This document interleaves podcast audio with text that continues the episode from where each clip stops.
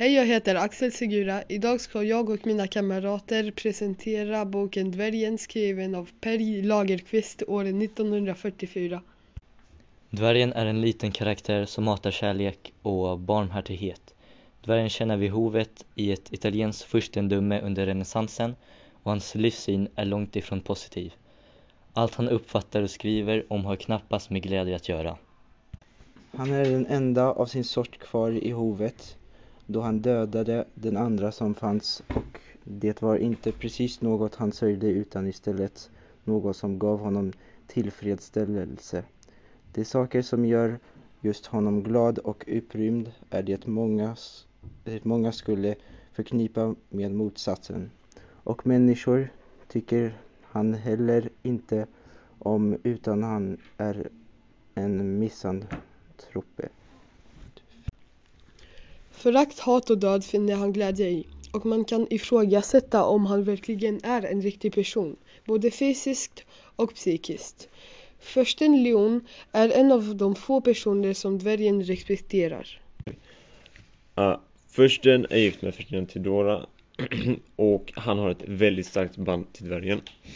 Han är en mästare på att manipulera människor och är vad man skulle kalla en machiavellisk figur. Eh, Förstinnan Theodora är gift med prins Leon men bedrar honom med en person som heter Don Ricardo. Eh, hon har också ett starkt band till dvärgen, precis som försten har. Sen finns det Maestro Bernardo som är en sorts uppfinnare, ett geni, en konstnär och en vetenskapsman. Och fursten och furstinnan har dessutom en dotter som heter Angelica. Hur löser Lagerkvist informationsproblemet? Det vill säga, vem vilka berättar historien och hur påverkar det din tolkning av romanen? Lagerkvist löser informationsproblemet genom att använda dvärgens figur. Tack vare hans storlek lyckas han vara överallt utan att man märker honom. Man får veta genom dvärgen allt som pågår i boken och det påverkar vår tolkning om romanen eftersom vi får veta om dvärgens tankar, känslor och planer.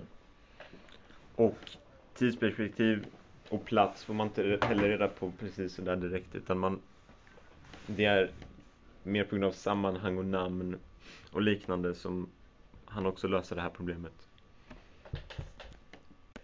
Hur förhåller sig romanen kring temat ont och gott? Den här romanen förhåller sig kring ond och gott genom karaktärer som dvärgen, som föreställer en ond och aggressiv person. Han kanske inte känns ond för några personer men han upplever bara glädje genom krig och våld. Men det finns också många goda personer som förstinnan eller relationer som Angelica med eh, Giovanni. Det som också är intressant är att det finns personer som balanserar genom den goda och onda sidan. Det kan vi se med Bernardo, eh, en väldig begåvad uppfinnare men som också är lite galen och eh, skapar stora krigsmaskiner. Hur kommer det att gå för dvärgen i fortsättningen tror du? Jag tror att dvärgen kommer bli helt bortglömd av alla andra i hovet. Han är nämligen rätt tyst och liten och märks då inte av de andra. Och att han är nere i en fängelsecell tror jag inte gör så stor skillnad. Vad tror ni? Ehm, jag tror att fursten ska befria dvärgen eh, eftersom ingen furste kan vara utan dvärg. Och jag tror han blir torterad. Vad kan dagens ungdomar göra för att minska ondskan i världen och öka solidariteten mellan människor?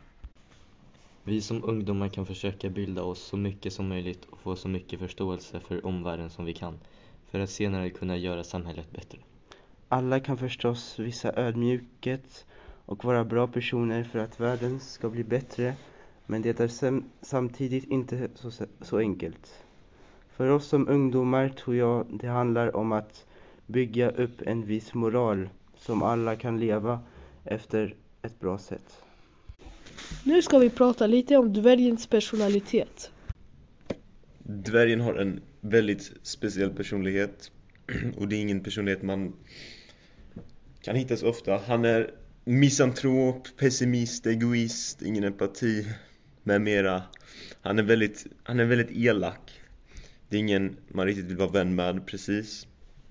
Och det är väldigt konstigt att försten ens vill ha någon sån här person i sitt hov. För att han är liksom farlig på ett visst sätt. Han Han är liksom ingen riktig person.